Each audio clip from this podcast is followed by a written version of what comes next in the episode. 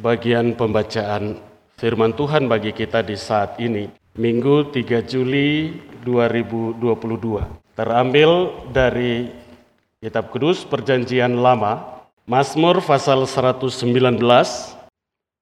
Mazmur pasal 119 kita akan baca dari ayat 25 hingga ayatnya yang ke-35. Sebelum kita membaca dan merenungkannya, marilah kita meminta tuntunan Roh Kudus. Kita berdoa. Ialah Bapa di dalam kerajaan sorga, Tuhan yang kami puji dan senantiasa kami permuliakan, hanya di dalam nama Tuhan kami Yesus Kristus. Tuhan dan Kepala Gereja kami, Tuhan dan Juru Selamat kami yang hidup. Hari hidup kami sepanjang seminggu lamanya boleh kami lalui di dalam perlindungan dan penyertaan, dan berkat-berkat-Mu selalu cukup bagi kami. Kini kami membawa diri dan kehidupan kami masuk ke dalam persekutuan bersama jemaat Tuhan, memuji dan membesarkan namamu, serta menyatakan syukur dan sukacita kami. Bapa di sorga, kami hendak memperlengkapinya dengan belajar dari kebenaran firman-Mu. Tidak ada pengetahuan pada kami, kami penuh dengan kelemahan dan keterbatasan. Karena itu Bapa di surga kami minta, kiranya rohmu yang kudus memimpin kami sekalian di dalam pembacaan dan perenungan akan kebenaran firmanmu. Agar ketika kami kembali ke dalam kehidupan dan kerja kami, kami boleh berlaku seperti apa kata firmanmu. Pimpin dan sertailah kami, ya Tuhan. Demi Kristus, firman yang hidup, kami berdoa. Amin.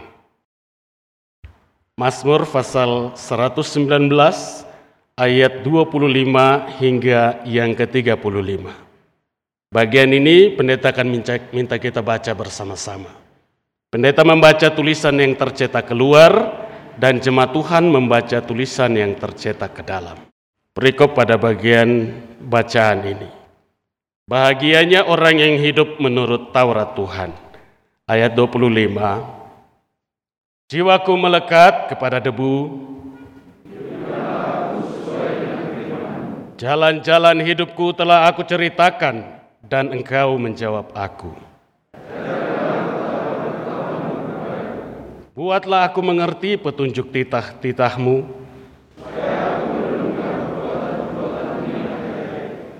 Jiwaku menangis karena duka hati. Jauhkanlah jalan dusta daripadaku. Aku telah memilih jalan kebenaran. Aku telah berpaut pada peringatan-peringatanmu. Aku akan mengikuti petunjuk perintah-perintahmu Perlihatkanlah kepadaku, ya Tuhan, petunjuk ketetapan-ketetapanmu. Buatlah aku mengerti, maka aku akan memegang Tauratmu. Biarlah aku hidup menurut petunjuk perintah-perintahmu. Demikian bagian pembacaan firman Tuhan bagi kita di saat ini. Berbahagialah segala orang yang mendengarkan firman Allah serta memeliharanya dalam hidup tiap-tiap hari. Haleluya.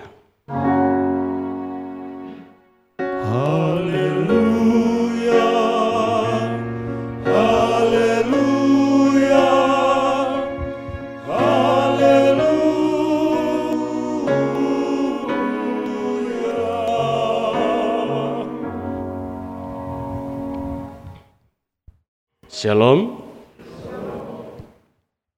Sebelum kita masuk kepada bagian perenungan firman Tuhan, Bapak Ibu jemaat Tuhan, diberitahukan bahwa pada hari ini di dalam jemaat kita telah mengadakan peneguhan ke dalam jabatan majelis jemaat. Nama-nama yang saudara pilih telah ditetapkan sebanyak 44 orang. Tetapi yang di hari ini yang sempat untuk mengikuti orientasi dan peneguhan ke dalam jabatan majelis jemaat berjumlah 30 orang. Terdiri dari 23 orang penatua dan 14 syemas. Maka diperkenalkan kepada jemaat Tuhan, inilah majelis jemaat periode 2022 dan 2027. Penatua Mudita Ratri Paharita, Parahita. Penatua Ronald Joseph Sitepu. Penatua Obed Nego Simbopiaref. Penatua Reinhard James Lendo. Penatua Daniel Pikarima. Penatua Bafo Serai Mambiau. Penatua Philip Wopari. Penatua Benget Mai Ranson Hutauruk. Penatua Adi Yusuf Taurui.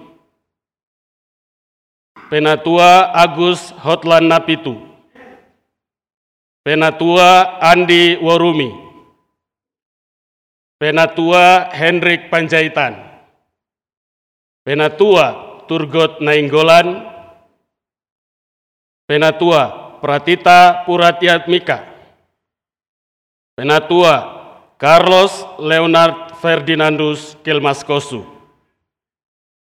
Penatua Kris Purwanto. Kemudian, Syemas Yulia Monika Nancy Waturandang.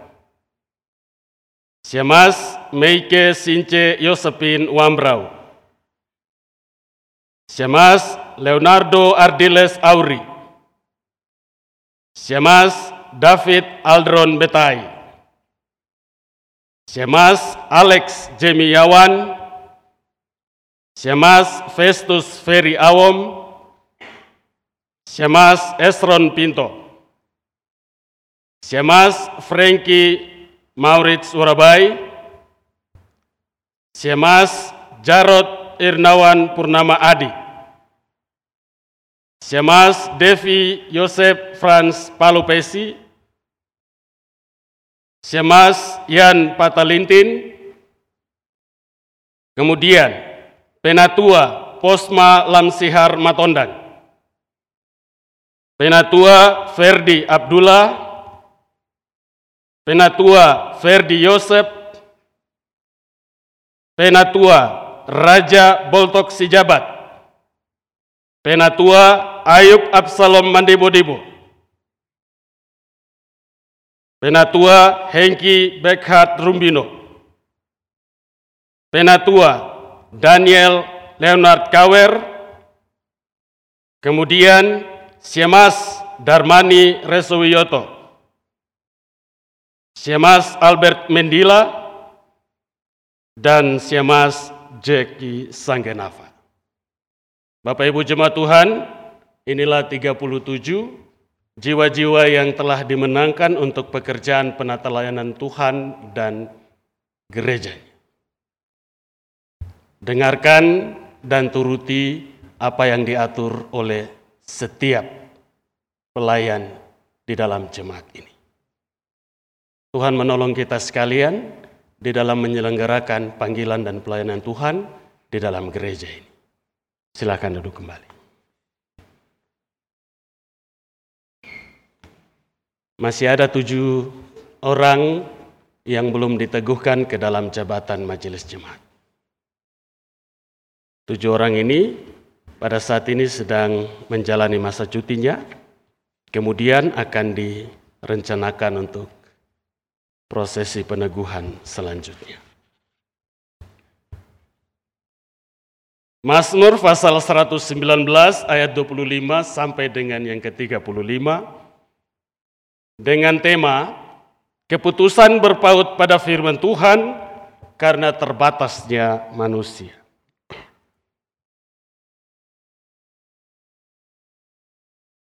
Saudara-saudara jemaat Tuhan, Mazmur ini adalah ungkapan puisi yang bersumber dari pengalaman, perasaan, dan pergumulan pribadi seseorang. Apakah itu kepada Tuhan ataupun kepada orang lain. Karena setiap Mazmur berdiri sendiri. Satu Mazmur berisikan satu pesan khusus. Karena itu perlu memperhatikan konteks Mazmur dan pemazmurnya. Kita bisa lihat di dalam bacaan-bacaan kita di Alkitab bahwa Mazmur Mazmur-mazmur yang ada ini dikelompokkan dalam beberapa jenis. Kemudian sang penulis Mazmur itu sendiri bukanlah satu orang. Banyak yang memberikan sumbangsi dalam penulisan Amsal dan Mazmur-Mazmur ini. Kita bisa lihat di dalam bacaan-bacaan kitab Mazmur. Mazmur 119 ini bergenre sastra tentang kebijaksanaan yang terkait dengan Taurat Tuhan. Di mana pemazmur meminta kekuatan karena bahaya yang dihadapi. Yang digambarkan dengan kata-kata. Di situ dijelaskan, hidupkanlah, ajarkanlah, dan buatlah aku mengerti kata-kata permohonan untuk meminta kekuatan dari Tuhan. Bahaya yang dihadapi pemazmur menyebabkan dia membutuhkan kekuatan serta penghiburan. Pemazmur menyadari bahwa hidup yang sangat diinginkannya hanya akan datang dari pengertian akan ajaran-ajaran Allah. Pemasmur sangat menyadari itu. Di luar dari Allah dan Tauratnya, hidup yang diinginkannya itu tidak pernah akan terpenuhi. Bagian ini ditulis oleh Raja Daud. Mazmur ini ditulis oleh Raja Daud. Kita kenal siapa itu Raja Daud. Seorang raja berdoa meminta kekuatan dan meminta penghiburan. Apa yang kurang dari seorang raja? Bukankah seorang raja tinggal perintah? Tinggal minta. Semua tersedia. Semua disediakan. Tetapi pemazmur menyadari bahwa kemanusiaannya sangat terbatas. Walaupun dia raja sekalipun. Walaupun dia punya power sekalipun. Tapi dia tetap terbatas. Karena itu, dia selalu berada di dalam rancangan-rancangan malapetaka. Dia selalu berada di dalam keadaan yang berbahaya, yang bisa merenggut nyawa dan kehidupan. Bukan soal merebut tahta dan kekuasaannya, tapi merenggut nyawa dan kehidupannya. Karena itu, pemazmur menyampaikan mazmurnya ini. Pemazmur menyebabkan atau bahaya-bahaya kehidupan itu menyebabkan pemazmur membutuhkan kekuatan serta penghiburan. Dia menyadari bahwa hidup yang sangat diinginkannya hanya akan datang dari pengertian akan ajaran-ajaran Allah. Atau bagian bacaan ini sebut dengan Taurat Tuhan dan di dalam perjanjian baru dikenal dengan sebutan firman Tuhan. Dengan melakukan pengulangan, pemazmur terus menjelaskan tentang Taurat Tuhan yang menjadi berkat bagi yang percaya. Pemasmur terus mengulangi tentang Taurat Tuhan yang menjadi berkat bagi setiap orang yang memegangnya, menjadi berkat bagi setiap orang yang memelihara dan melakukannya. Khusus dalam bacaan kita Mazmur 119 ayat 25 sampai 35. Ini secara paralelisme sinonim atau setiap ayat mengulangi pesan yang sama melalui kalimat-kalimat yang berbeda. Sebenarnya pesannya sama, tapi kalimat yang dipakai kalimat yang berbeda-beda untuk menjelaskan pesan itu. Kenapa dipakai kalimat yang berbeda-beda? Agar setiap budaya dan bahasa bisa mengerti tujuan dari penulisan itu. Mari kita lihat dari penjelasan bagian teks bacaan kita. Dari ayat 25 sampai dengan 35, bagian ini terbagi dalam dua pokok pembahasan. Yang pertama, ayat 25 sampai dengan 29. Di sini pemazmur mengungkapkan tentang kehidupan manusia yang terbatas. Kehidupan manusia yang terbatas di satu sisi dan di sisi lain firman Tuhan yang berkuasa. Yang sesungguhnya meneguhkan perbuatan dari Tuhan itu sendiri. Meneguhkan karya dari Tuhan itu sendiri. Firman Tuhan yang berkuasa. Yang ditunjukkan dengan kalimat-kalimat yang tercatat di dalam bagian bacaan kita di sana, yaitu jiwaku melekat kepada debu. Terus ada lagi, jalan-jalan hidupku. Kemudian, jiwaku menangis karena duka hati. Dan jauhkanlah jalan dusta daripadaku. Semua kalimat-kalimat ini menjelaskan tentang kehidupan manusia yang sangat terbatas. Kehidupan manusia yang sangat terbatas dan penuh dengan pergumulan. Tetapi di ayat yang sama, situasi terbatasnya manusia ini disambung dengan penyataan akan kuasa firman Tuhan yang digambarkan dengan kalimat-kalimat seperti ini. Hidupkanlah aku sesuai dengan firman-Mu. Ajarkanlah ketetapan-ketetapanmu, mengerti petunjuk titahmu. Teguhkan aku dengan firman-Mu. Karuniakanlah aku Tauratmu. Ada keterbatasan manusia. Tetapi ada firman Tuhan yang berkuasa untuk menghidupkan, ada firman Tuhan yang berkuasa untuk meneguhkan, dan juga menjawab setiap situasi keterbatasan manusia. Ungkapan pemazmur tentang manusia yang terbatas dan firman Tuhan yang berkuasa dan menghidupkan ini. Di dalam perjanjian baru diungkapkan Yesus di dalam Matius pasal 4 ayatnya yang keempat. Di sana Yesus katakan bahwa manusia hidup bukan dari roti saja, tetapi dari setiap firman yang keluar dari mulut Allah. Gambaran tentang kemahakuasaan firman Tuhan. Kemudian pokok yang kedua di ayat 30 sampai dengan 35. Kembali pemazmur mengungkapkan dengan berulang-ulang pilihannya kepada firman Tuhan. Atau dalam bagian Mazmur ini disebut dengan Taurat Tuhan. Ungkapan yang diulang-ulang ini dengan kalimat yang berbeda.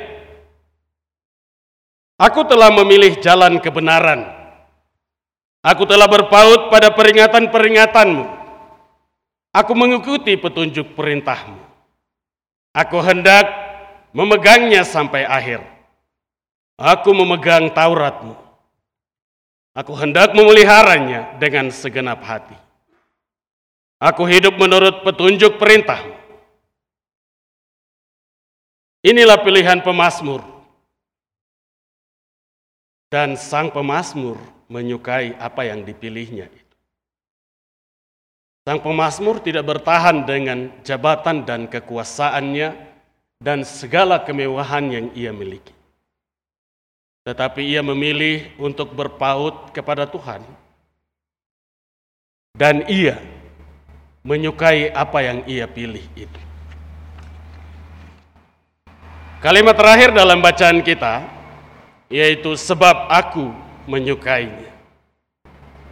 Kalimat ini menjelaskan bahwa pemazmur tidak hanya tahu tentang kebenaran dan mengakui kebenaran itu.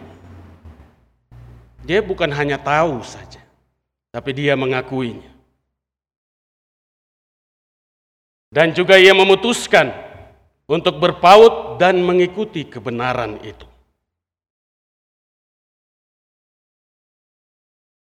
Pilihan yang benar dan yang membawa selamat di tengah hidup yang terbatas.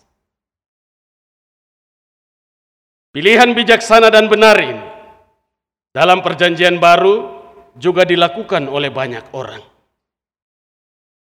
Pilihan Raja Daud ini dalam perjanjian baru juga diikuti oleh banyak orang. Salah satunya adalah Paulus.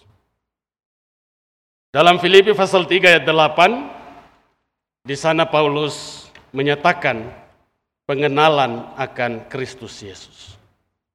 Pengenalan akan Kristus Yesus lebih mulia dari semuanya. Melepaskan semuanya dan menganggap itu sampah. Dan bahwa mengenal Kristus, menerima pengajaran Kristus, menerima firman-Nya, menerima perintahnya, menjadi pilihan Paulus lebih dari hal lain yang ia terima.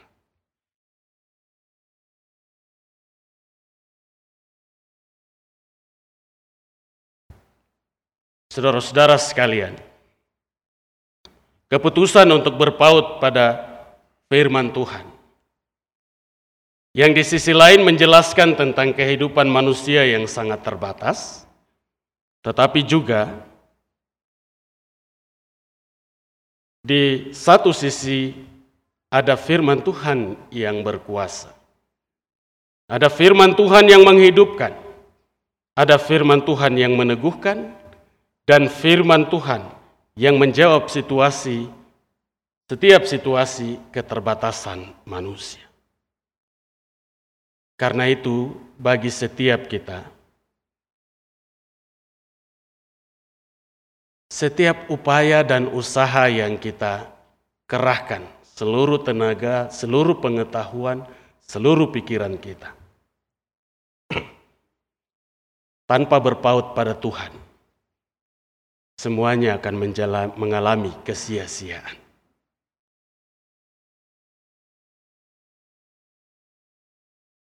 Kalau pemazmur memilih berpaut dan menyukai Taurat Tuhan itu, maka bagaimana dengan kita?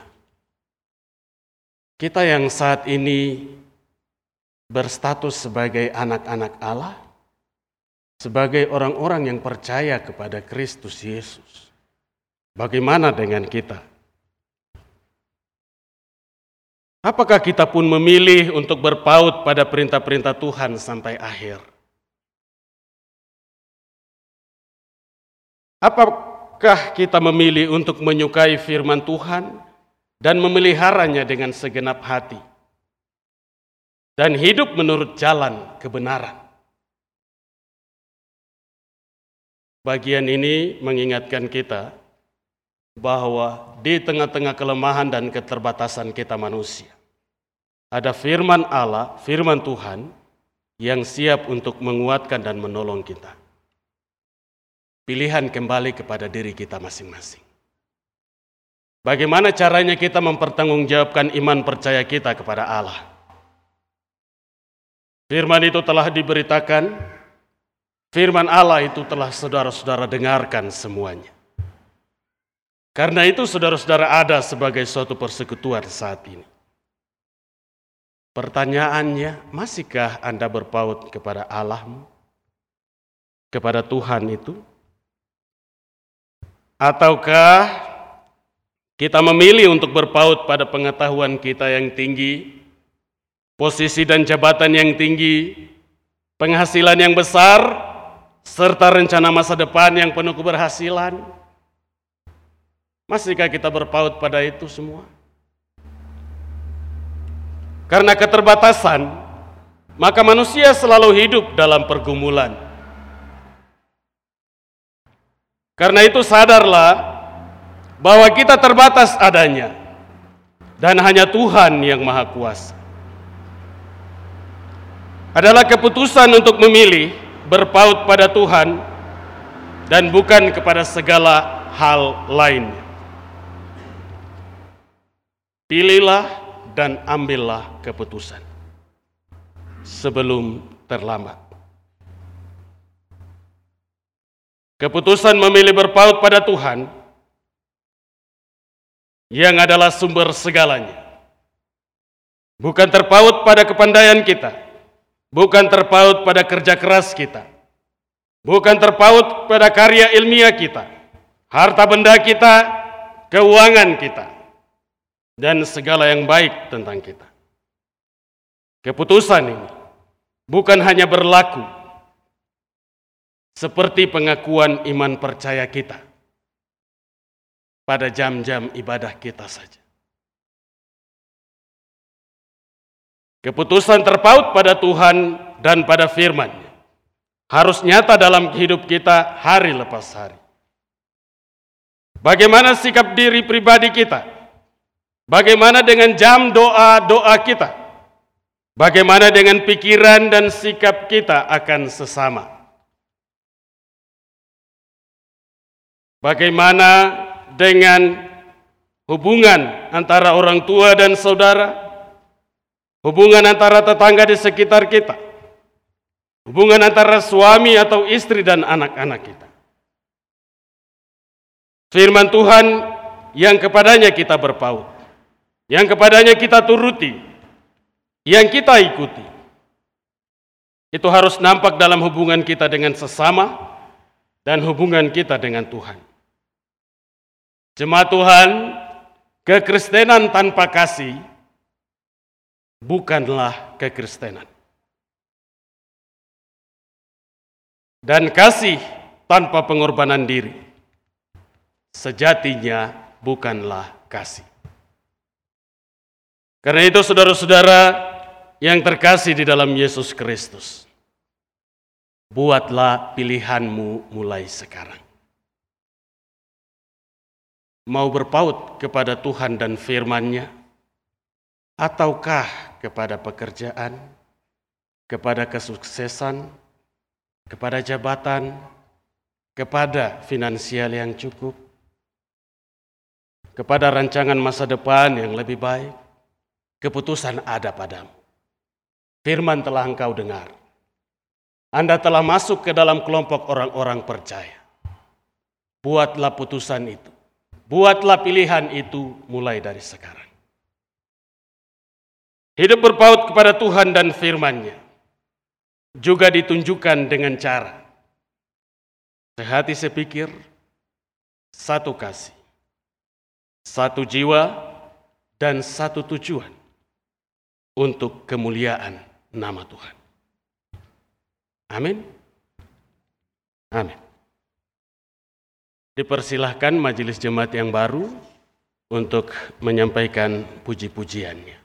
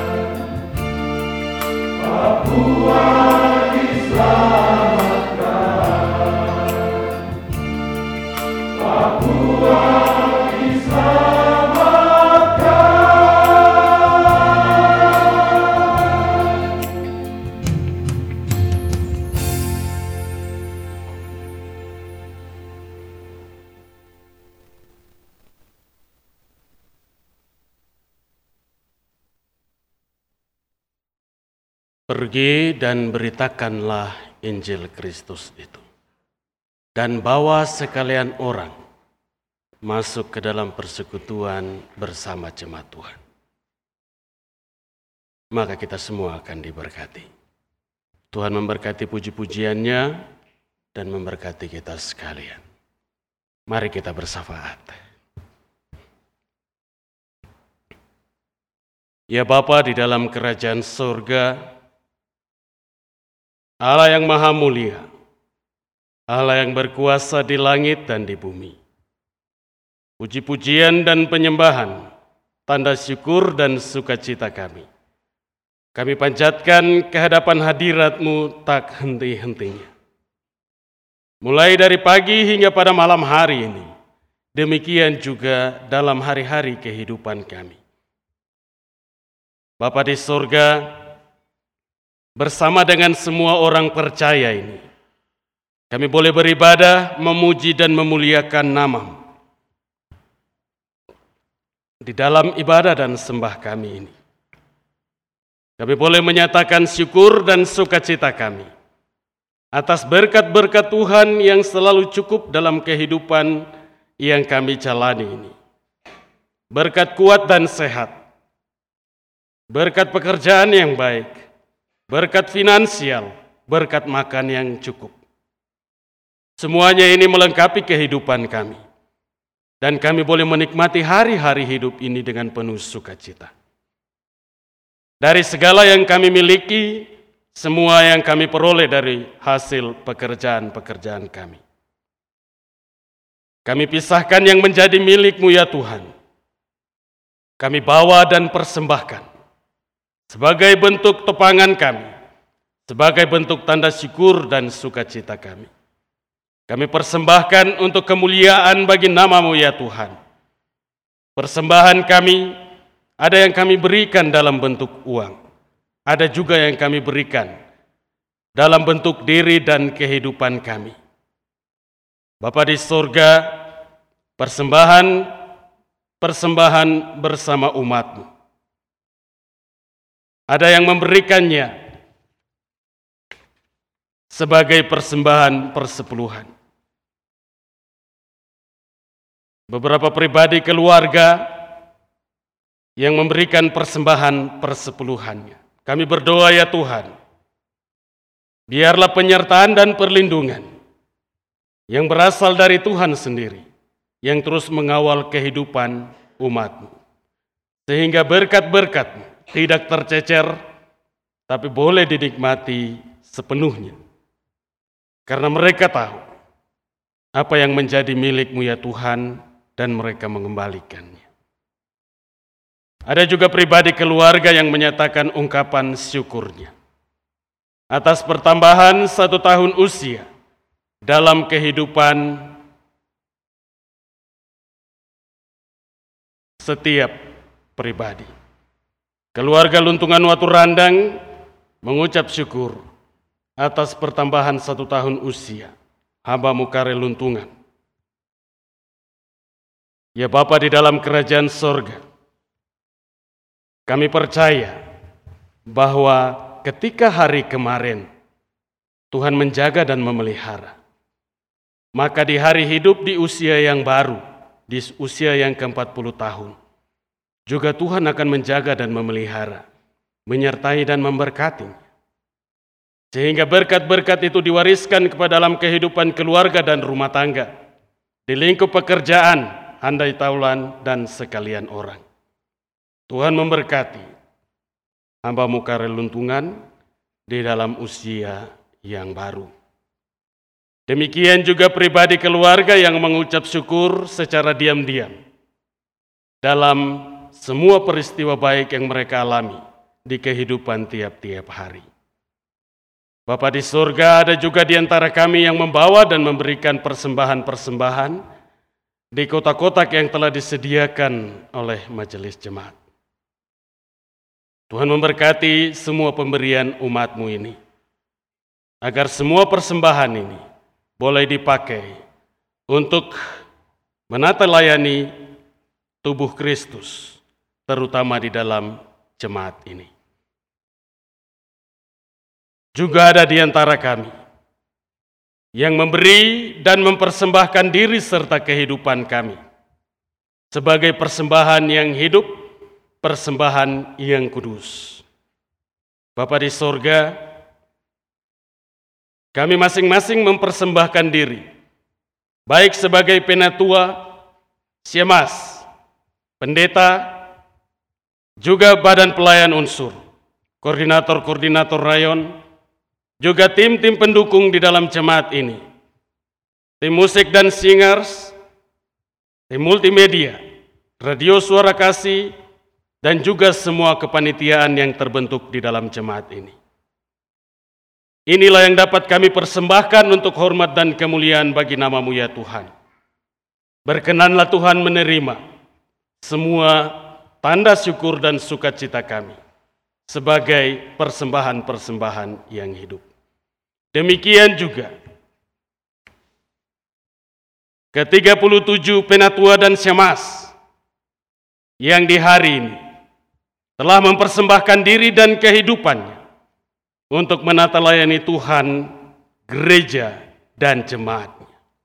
Mereka yang di hari ini telah diteguhkan ke dalam jabatan majelis jemaat. Mereka yang berjanji di hadapan Tuhan dan jemaatmu ini. Mereka telah siap sedia untuk melaksanakan seluruh tugas tanggung jawab dan penata layanan di dalam jemaat ini. Tuhan pimpin dan sertailah mereka.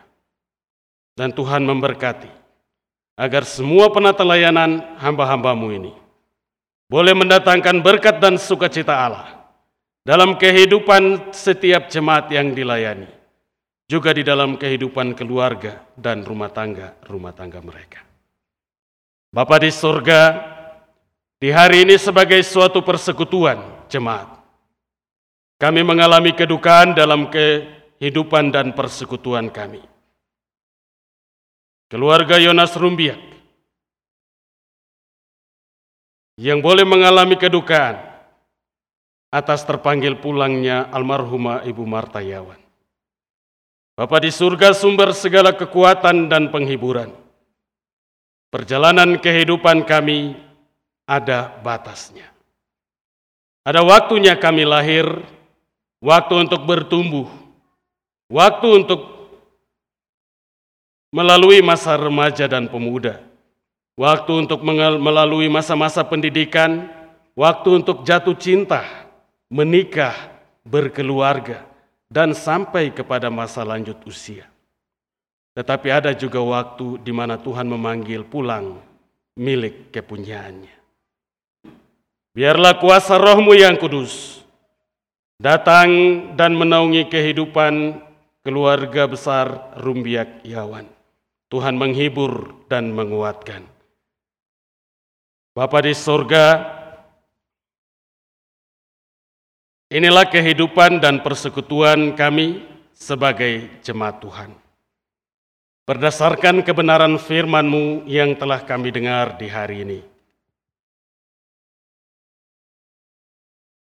Di dalam kelemahan dan keterbatasan kami manusia. Di dalam setiap pergumulan-pergumulan kehidupan kami manusia. Ada firman yang akan menguatkan, yang menuntun, firman yang menyelamatkan. Tetapkan hati kami ya Tuhan. Tulislah firman itu di dalam hati dan pikiran kami. Dan oleh tuntunan kuasa rohmu yang kudus, kami dimampukan untuk membuat suatu pilihan yang benar. Pilihan yang membawa selamat di tengah kehidupan yang terbatas. Ajarlah kami, agar pilihan kami hanya untuk berpaut kepadamu ya Tuhan melalui kebenaran firman. Meteraikan dan sempurnakanlah firman-Mu bagi kami sekalian. Seluruh penata layanan di dalam jemaat ini, kami pertaruhkan ke dalam tangan kasih. Ya Tuhan, kepala gereja kami, pimpin dan sertai kami, lengkapi kami sekalian dengan roh dan hikmat agar semua program dan penata layanan di dalam jemaat ini boleh kami selenggarakan dan boleh kami layani dengan baik. Semua hamba-hambamu, semua umatmu yang Tuhan percayakan ke dalam pengembalaan dan pemeliharaan hamba. Hamba mendoakan mereka sekalian ke dalam tangan kasihmu. Bapa di sorga, pimpin dan sertai dan lindungi semua umatmu ini. Jangan ada yang terhilang, jangan ada yang tersesat, jangan ada yang jauh dari persekutuan bersama jemaat Tuhan. Mampukan kami sekalian untuk menjaga dan memelihara, mendoakan dan menasihati, dan memberkati setiap umatmu ini. Sehingga iblis tidak merampas mereka dari hadapanmu, ya Tuhan. Kami telah memasuki hari hidup di bulan yang baru, di bulan Juli ini. Kami percaya rancangan Tuhan tersedia bagi kami di hari hidup dan minggu kerja kami. Dan kami hendak memasuki hari hidup dan minggu kerja kami yang baru. Bapa di sorga, semua umatmu ini Tuhan mempercayakan tanggung jawab dalam kehidupan mereka tiap-tiap hari. Sebagai suami, sebagai istri, sebagai karyawan-karyawati pada PT Freeport Indonesia, pada setiap kontraktor dan juga privatisasi. Di dalam seluruh tugas tanggung jawab ini, Tuhan beri roh dan hikmatmu memimpin mereka sekalian. Menjaga dan memelihara, agar dalam kehidupan setiap hari, di dalam keluarga dan rumah tangga, di dalam aktivitas pribadi, di dalam pekerjaan dan penata layanan mereka, kasih setia Tuhan melimpah, dan mereka boleh menjadi contoh dan teladan Kristus mereka boleh menjadi saluran berkat Allah dalam hari hidup tiap-tiap hari, sehingga nama Tuhan dipuji dan dipermuliakan oleh setiap orang yang menyaksikan perilaku dan cara kehidupan mereka. Kami telah siap untuk memasuki hari hidup dan minggu kerja kami. Lengkapi kami dengan berkat-berkat-Mu. Dan pimpin kami memasuki hari hidup yang penuh dengan rancangan damai dan sejahtera. Demi Kristus yang hidup, Tuhan dan Juru Selamat kami. Kami berdoa dan bersyafaat kepada Allah Bapa di dalam kerajaan sorga. Haleluya. Amin.